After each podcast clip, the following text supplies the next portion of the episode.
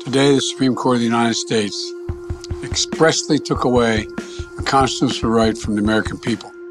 That's never been done to a right so important to so many Americans. But they did it. It's a sad day for the court and for the country. De afschaffing van het beroemde Roe vs. Wade-arrest in de Verenigde Staten, dat het recht op abortus verankerde, zindert overal in de wereld na, ook bij ons. Welke noden zijn er in ons land en wat leren de abortuscijfers ons? Moeten we onze abortuswet veranderen en uitbreiden of zelfs het recht op abortus in onze grondwet verankeren? Het is woensdag 5 juli. Ik ben Alexander Lippenveld en dit is vandaag de dagelijkse podcast van de Standaard.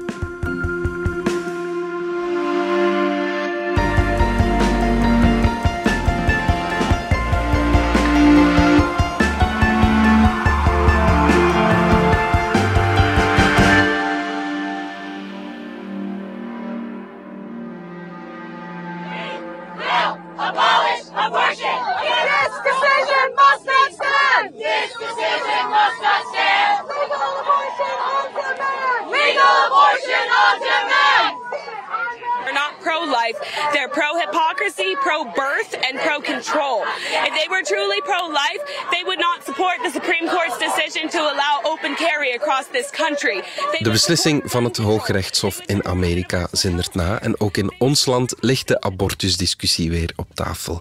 We legden ons oor te luisteren bij Lut Daniels, directrice van het abortuscentrum Luna in Gent, met de simpele vraag: abortus bij ons, is dat dan helemaal aanvaard? Vrouwen denken, ik ben de enige op de wereld, ik ben de enige in België, ik ben de enige in Vlaanderen wie dit overkomt. Dat is helemaal niet waar, maar dat gevoel hebben we wel. Hè? Vrouwen kunnen ook denken, of koppels kunnen ook denken, uh, ik ga beoordeeld worden. Ik ga mezelf moeten verantwoorden. Ik ga moeten uitleggen hoe dit mij is kunnen overkomen. Uh, waarom ik daar nu terecht moet. We hebben het idee in ons hoofd dat het vooral gaat over jonge meisjes. Dus vrouwen die ouder zijn, die uh, in een andere situatie, in andere levensfase zitten. Gewoon een nieuw samengesteld gezin, een nieuwe partner of een partner die pas gesteriliseerd is, weet ik het. Dus oudere mensen hebben het idee van, ja, hoe kan dit mij nu overkomen? Ik ben waarschijnlijk wat dommer dan de rest. Want ja, het gaat toch echt vooral over jonge meisjes die daar terechtkomen. Ik zei tegen mijn kinderen als ze klein waren, zei ik vaak, ik ben toch wel echt rijk, hè. Want ik heb drie huizen. En dan keken de kinderen zo van drie huizen. En ik zeg, ja, het huis waarin we wonen, en jullie zijn voor mij ook elk een huis waard. Dat vonden ze fantastisch. Hè? Dus we waren echt superrijk in hun ogen, omdat zij zeiden van wauw. Maar dat is dus de kostprijs van een kind. En vrouwen beseffen zeer goed wat het kost aan energie. En uh, los van het financiële, maar ook aan energie, aan aandacht. En het is juist omdat ze op een verantwoorde manier willen omgaan met kinderen, die op een, in een wereld willen zetten, op een manier die ondersteunend is, in een context die hen mogelijk geeft om hen te ontplooien. Daarom laten vrouwen, zullen vrouwen bewust beslissen om een zwangerschap af te breken. Ook al doet het hen verdriet. Ook al willen ze dat eigenlijk niet in hun, in hun hart. Met hun hoofd zien ze dit uh, op dat moment als hun beste beslissing. Vele Beel van onze binnenlandredactie. Jij volgt het abortusdebat al een tijdje voor de krant. We begonnen net met een citaat van de directrice van abortuscentrum Luna in Gent. Ze maakt duidelijk dat de stap naar een abortuscentrum nu ook niet zo vanzelfsprekend is voor iemand, ook in ons land niet. Moeten vrouwen zich na de gebeurtenissen in Amerika ook bij ons zorgen maken dat de wetgever het nog moeilijker gaat maken? Wel, um, abortus is uh, lang een uitzondering geweest op het strafrecht. Het stond dus in het strafwetboek dat het mocht onder bepaalde voorwaarden. Mhm. In 2018 is uh, het daar uitgelegd. Het is nu aparte wetgeving. Mhm. De voorwaarden zijn nog steeds dezelfde. En als je die niet naleeft als arts of als vrouw die een abortus laat uitvoeren, dan kan je nog steeds gestraft worden. En er zijn nu wel stemmen die opgaan in de politiek om het recht op abortus in te schrijven in de grondwet. Mhm. Als het daarin verankerd zou zijn, dan, dan ligt het vast. Dan kan daar niet bij een latere andere politieke constitutie of na een verkiezing of zo, kan daar dan niet zo snel meer uh, veranderingen worden gedaan. Nee. En zijn er partijen die echt tegen abortus zijn bij ons? Ja, er is één partij die duidelijk tegen is en die het alleen wil onder zeer strikte omstandigheden. Dat is het Vlaams Belang. Mhm. Ze willen abortus enkel als de moeder in gevaar is, het leven van de moeder, of als het kind niet levensvatbaar is. Okay, dat is ook al heel uitzonderlijk. Zelfs bij ernstige ziekte zou het dan ook niet mogen, uh, wil dat Of bij een erfelijke aandoening, ja, wat is ernstig, dat is ook een moeilijk begrip. Tuurlijk, en ook bij verkrachting zou het in hun geval mogen, in alle andere gevallen niet. En dan heb je nog wat partijen die wat tussenin zitten, ehm, die niet uh, staan te springen voor een uitbreiding bijvoorbeeld van de wetgeving. Want dat is ook een discussie. Ja, daar gaan we het straks over hebben. Mhm. Laat ons eerst de situatie nu even schetsen. Waar mhm. heb je recht op, zeg maar, bij ons?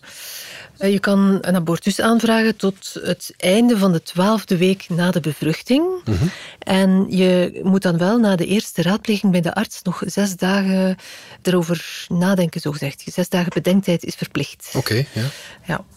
Na twaalf weken kan het als de gezondheid van de vrouw in gevaar is of als het kind een ernstige aandoening heeft. Ja, ja. ja dus voor twaalf weken heb je geen reden nodig, zeg maar. Na twaalf weken wel. Ja, laten we zeggen, vroeger werd er wel een reden gevraagd. Mhm. Dat was dan vaak dat uh, de leeftijd te jong of te oud ook, uh, mm of uh, gezin voltooid, of past nu niet, geen goede relatie. sinds de wetswijziging van 2018, waarbij het uit het strafwetboek is gelegd, moet je geen reden meer opgeven. Ja, oké. Waarom die twaalf weken eigenlijk?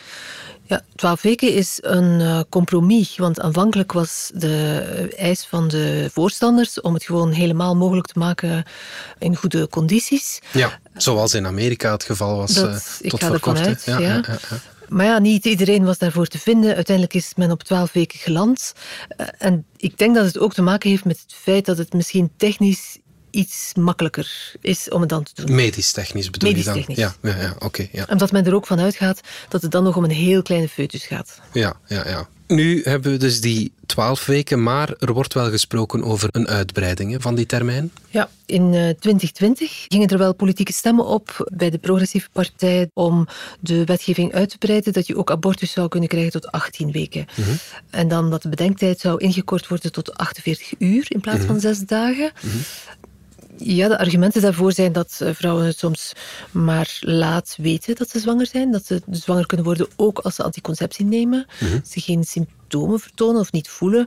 Um, en dat er jaarlijks 400 à 500 vrouwen naar Nederland moeten of uh, naar een ander buitenland omdat ze te laat erachter komen dat ze ongewenst zwanger zijn. Lu Daniels van het abortuscentrum Luna vindt die zes dagen bedenktijd ja, overbodig. Op dit moment moeten vrouwen twee keer contact hebben met ons centrum één keer voor een gesprek en een consultatie. En de tweede afspraak is voor de zwangerschapsafbreking zelf. Um, de curettage of de eerste pil van de abortuspilmethode, de medicamenteuze uh, methode. En tussen die twee momenten moet er zes dagen zitten. Dus dat, die, eerste, die, die dag gaat in vanaf het eerste contact met ons centrum. Vrouwen hebben, de meeste vrouwen, 85% die ons contacteert, zegt al bij het eerste contact aan de telefoon voor mij hoeft dat niet die zes dagen. Ik heb er al over nagedacht. Wij hebben er al over gepraat. Ik heb al met mijn vertrouwenspersonen uh, een proces doorgemaakt. Of, nog duidelijker, het is een positieve zwangerschapstest en ik wil deze zwangerschap niet. Hè, om redenen die ik goed ken. We gaan er even uit voor een korte boodschap. Mensen zijn onvolmaakte wezens. Iedereen heeft wel eens met zijn geweten geworsteld. Schuld. Je voelt je zo schuldig. Dat ik heel hard aan het werk was. Hun het gevoel van onveiligheid hebben bezorgd. Zij zorg om mij hebben gehad. Het is dat pijnlijke gevoel. Ik was gewoon schuldig. Wanneer je beseft dat je verkeerd gehandeld hebt. Had ik maar. Dan had zij waarschijnlijk gewoon nog geleefd. Mijn schuld. Mijn schuld. Een nieuwe podcast van NRC en De Standaard. Nu te beluisteren in alle podcast-apps. Je hebt daar geen abonnement voor nodig en het is gratis. Vele, we hadden het net met jou over een mogelijke uitbreiding naar 18 weken in plaats van de huidige 12. Waarom 18? In Nederland uh, zijn het 24 weken. Ja, 18 weken zou in zekere zin ook een uh, soort compromis zijn. 24 weken is toch wel, wel op de grens van de levensvatbaarheid. Die, wordt, die schuift uh, langzaam op naar beneden. Ja, door medische door evoluties en zo. Vooruitgang zou je kunnen zeggen. Overigens is ook bij ons niet iedereen het eens over die 18 weken, als dat er sprake kwam. Het is er nog lang niet door trouwens. Mm -hmm. Er zijn een hoop mensen en ook politieke partijen over bezorgd dat je dan al een foetus hebt die meer ontwikkeld is. De abortus zelf is misschien al iets ingrijpender. Ja. Kan niet meer met een simpele curettage. Een arts moet al wat meer uh, technische ingrepen uitvoeren. Ja. Veel mensen zeggen ja, het hartje klopt al of het is al een mini-mensje. Maar ja, andere mensen zeggen dat weer, uh, hoe groot of klein de foetus ook is, het is altijd een mini-mensje. En het ja. hartje klopt trouwens al vanaf zes of zeven weken. Ja, ja, ja. In Nederland mag het dus tot 24 weken, maar in zekere zin is Nederland ja, ook strenger dan ons, want na 24 weken mag het in geen enkel geval. Hè? Dan mag je onder geen enkele omstandigheid daarna nog een abortus krijgen, omdat men dan zegt het kind is levensvatbaar. Ja. Bij ons is dat dan weer anders. Mag mm-hmm. je, zoals ik zei, als het kind een ernstige aandoening heeft, dan wel nog een abortus om medische redenen vragen. En er zijn dus Nederlanders die na 24 weken naar ons land komen om dan zo'n okay. abortus ja. te laten uitvoeren toen het er ooit gekomen is, uh, het was net 1990, dan mm. was het absoluut geen evidentie hè, in ons land. Nee, het was helemaal niet evident. Uh, er was een wisselmeerderheid voor nodig. Liberalen en socialisten hebben samen die wet gemaakt en gestemd. De partij van de premier, de CVP, was tegen. Mm-hmm. Maar uh, toen bleek uiteindelijk de koning de wet niet te willen of te kunnen ondertekenen. Koning Boudewijn was een zeer gelovig man en hij kon het niet uh, verzoenen met zijn geweten. Mm-hmm. Kon die wet niet ondertekenen. Okay. En dan is men tot een oplossing gekomen. De, de koning heeft een stap teruggezet, wat heel ongewoon was. Het is een van de grootste institutionele crisissen in ons land. Ja. De regering heeft in de plaats daarvan die wet ondertekend. Wat dan ook betekende dat de premier van de CVP-partij, die niet uh, voor die wet was, mee die wet ondertekend heeft. Ja, oké. Okay. En de dag erna was de, koning erna weer was, koning. Uh, de dag erna stond het land op zijn kop uh, vanwege die crisis. De koning die even geen koning meer was. Het Ja. parlement moest opnieuw bijeenkomen om, dat, uh, om hem terug... uh, Te installeren, te installeren. ja, ja, ja. Dat, die hele crisis heeft 36 uur geduurd. Ja. En hoeveel abortussen worden er ongeveer uitgevoerd in België elk jaar? Wel, ik kan het heel precies zeggen. In 2019 okay. waren het er 18.027. Ja, oké. Okay. Waarvan iets meer dan 100 bij vrouwen die niet in België wonen. Dus we zitten daar nog net iets onder. Mm -hmm. Het cijfer is de laatste jaren stabiel. De ene keer gaat een beetje omhoog, dan weer wat omlaag. De gemiddelde leeftijd van vrouwen die uh, abortus ondergaan bedraagt trouwens 29 jaar. Okay. Het is een hardnekkige mythe dat de meeste abortussen bij tienermeisjes zouden uitgevoerd worden. Dat is helemaal niet het geval. Mm -hmm. Trouwens, in, bij die jonge leeftijd daalt het aantal uh, abortussen. Mm -hmm. En ook het aantal tienerzwangerschappen, het aantal tienermoeders daalt er ja, uh, al okay. jaren. Lut Daniels van het abortuscentrum Luna beklemtoont dat het aantal abortussen in ons land relatief laag ligt. Als je kijkt op wereldniveau, dan doet België het naast andere buurlanden, Duitsland bijvoorbeeld, Nederland, het heel goed als je kijkt naar het aantal vruchtbare vrouwen en het aantal vrouwen die uiteindelijk een zwangerschap laten afbreken. Dat is op wereldniveau een van de laagste cijfers.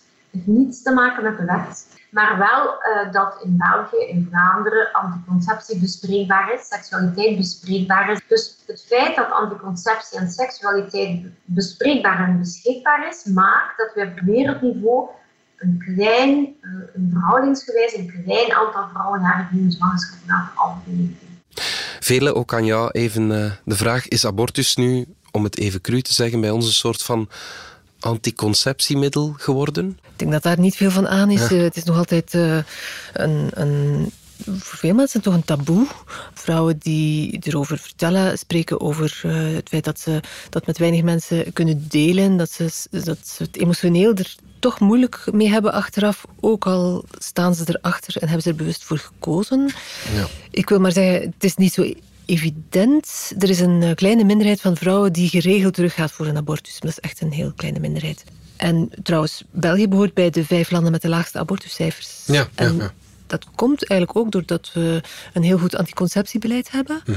Voorlichting is ook uh, goed bespreekbaar in de scholen. Maar de jongste jaren heeft de regering het uh, anticonceptie voor vrouwen onder 25 jaar, de meeste anticonceptie gratis gemaakt. Ja, oké. Okay, ja, ja, de morning after pill is voor iedereen uh, bijna gratis. Ja. ja Heel toegankelijk. Ik denk niet dat abortus dan. een, ja. ja, ik denk dat dat echt een noodgreep is. Ja, ja, ja. Blijft. Veerle Beel, dankjewel. Graag gedaan.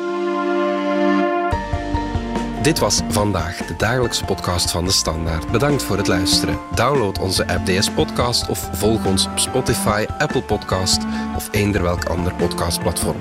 Alle credits van de podcast die je net hoorde vind je op standaard.be-podcast. Reageren kan via podcast.standaard.be. Morgen zijn we er opnieuw.